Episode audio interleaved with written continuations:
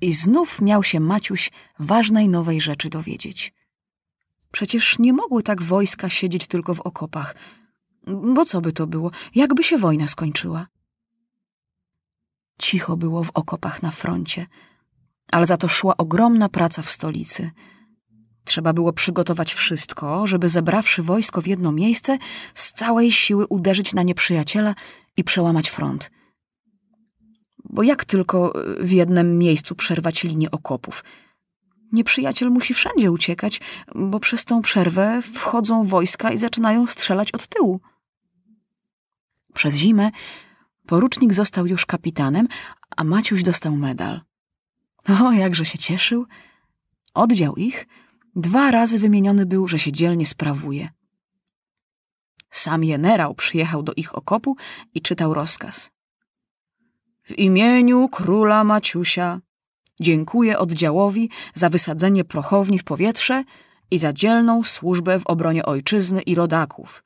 I daję wam tajne polecenie, żeby przerwać front nieprzyjacielski, jak tylko będzie ciepło. To był wielki zaszczyt. Zaraz zaczęto potajemne przygotowania. Przywieziono dużo armat i kul, a z tyłu zebrała się konnica i czeka. Co dzień patrzą żołnierze na słońce, kiedy już będzie ciepło, bo im już się strasznie nudziło. Tak biedacy czekali, tak się szykowali, a nie wiedzieli, ile przecierpieć będą musieli. Kapitan ich taki wymyślił podstęp wojenny.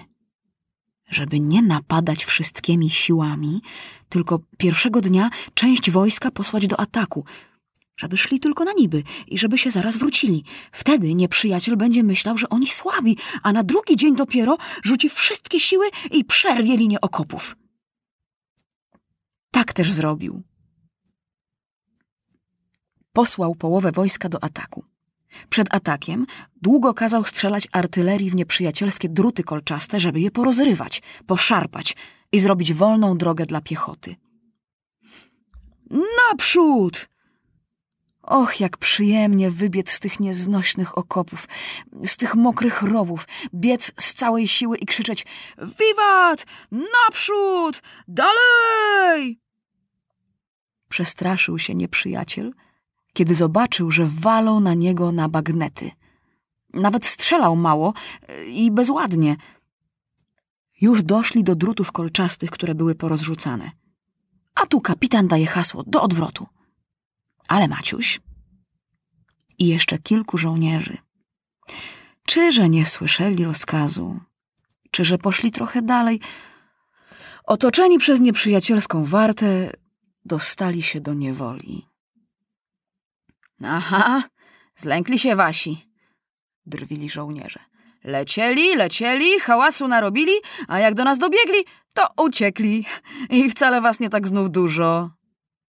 Tak mówili nieprzyjacielscy żołnierze, bo wstyd im było, że stchórzyli i zapomnieli aż strzelać. Po raz drugi szedł Maciuś do sztabu. Tylko za pierwszym razem przebrany był i szedł jako wojenny wywiadowca. A teraz, w żołnierskim płaszczu, szedł jako jeniec. A, znamy cię, ptaszku! krzyknął rozzłoszczony nieprzyjacielski oficer. To ty byłeś w zimie. To przez ciebie prochownię naszą wysadzili w powietrze. O, już teraz nam nie umkniesz jak wtedy. Weźcie starszych żołnierzy do obozu jeńców, a mały za szpiegostwo będzie powieszony. O, jestem żołnierzem, krzyknął Maciuś. Macie mnie prawo rozstrzelać, ale nie wieszać. Takiś ty mądry? Krzyknął oficer. Patrzcie, czego mu się zachciewa. Teraz może jesteś żołnierzem, ale wtedy byłeś Tomkiem i zdradziłeś nas. I my ciebie powiesimy. Nie wolno! Znów upierał się Maciuś. Ja wtedy także byłem żołnierzem, a przyszedłem tu w przebraniu i umyślnie usiadłem przed spaloną chałupą. No, dosyć gadania. Odprowadzić go osobno pod strażą do więzienia, a jutro sąd wojenny rozpatrzy tę sprawę. Jeżeli byłeś naprawdę i wtedy żołnierzem, to może ci się uda, choć wolałbym stryczek dla ciebie niż kulę. Na drugi dzień odbył się sąd polowy. Oskarżam tego chłopca, mówi oficer na sądzie, że w zimie wyszpiegował, gdzie jest nasza prochownia i doniósł nieprzyjacielskiej artylerii. Dwanaście razy strzelili i nie trafili, a za trzynastym razem trafili i wysadzili prochownię w powietrze. Czy tak było? Czy przyznajesz się do winy? Zapytał się siwy sędzia generał. Było inaczej. Nie ja wyszpiegowałem, gdzie jest prochownia, a ten właśnie oficer mnie zaprowadził. Pokazał mi wszystko i kazał iść zobaczyć, gdzie jest u nas prochownia i dać mu znać. I za to dał mi czekoladę. Może nie tak było? Zaczerwienił się bardzo oficer, bo źle wtedy zrobił, bo nie wolno mówić nikomu, gdzie są składy pocisków.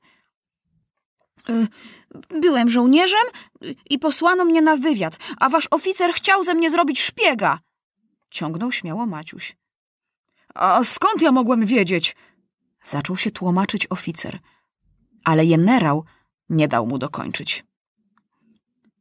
Wstyd, panie oficerze, że taki mały pana oszukał. Zrobiłeś pan źle i będziesz za to ukarany. Ale i temu chłopcu przebaczyć nie można. Co pan powie, panie adwokacie? Adwokat zaczął bronić Maciusia. Panowie sędziowie, oskarżony, który to się podaje za wyrwidęba, to za Tomcia Palucha, nie jest winien. Był żołnierzem i musiał się słuchać. Poszedł na wywiad, bo go posłano i myślę, że powinien być posłany tak samo do obozu jeńców jak inni. Generał trochę się ucieszył, bo żal mu było chłopaka. Ale nic nie mówił, bo wojskowy nie ma prawa pokazać, że kogoś żałuje, a tem bardziej nieprzyjacielskiego żołnierza. Więc tylko schylił głowę nad książką, gdzie były napisane wszystkie prawa wojenne i szukał, co tam napisane o szpiegach wojennych. O, jest! Powiedział nareszcie. Szpiegów cywilnych, którzy za pieniądze zdradzają, należy wieszać od razu. Szpiegów wojskowych można zaraz rozstrzelać. Albo, jeżeli adwokat się nie zgadza, trzeba odesłać wszystkie papiery do wyższego sądu i z rozstrzelaniem trochę poczekać. Więc ja żądam, powiedział adwokat, żeby posłać tę sprawę do wyższego sądu. Dobrze, zgodził się generał i wszyscy sędziowie. I Maciusia odprowadzono znów do jego więzienia. Więzienie Maciusia to była sobie zwyczajna chałupa wiejska. Bo w polu, na froncie, nie ma przecież wielkich kamiennych domów z kratami w oknach. Takie wygody mają miasta, a nie wojsko na froncie. Więc też Maciusia odprowadzono do tej chałupy, tylko że przed oknami i przed drzwiami stało po dwóch żołnierzy z nabitymi karabinami i rewolwerami. Siedzi więc Maciuś i myśli nad swoją dolą. Ale jakoś wcale nie traci nadziei. Mieli mnie powiesić, a nie powiesili. Może się i od kuli wykręcę. Tyle już kul kręciło się koło mnie. Zjadł z apetytem kolację, nawet bardzo smaczną, bo skazanych na karę śmierci dobrze żywią.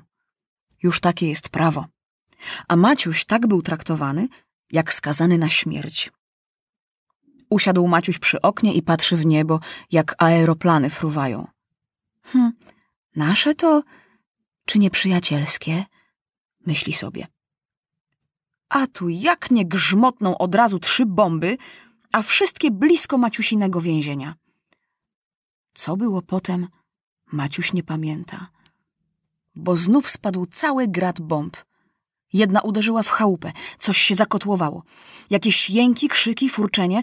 Ktoś go pochwycił, ale Maciuś głowę miał zwieszoną.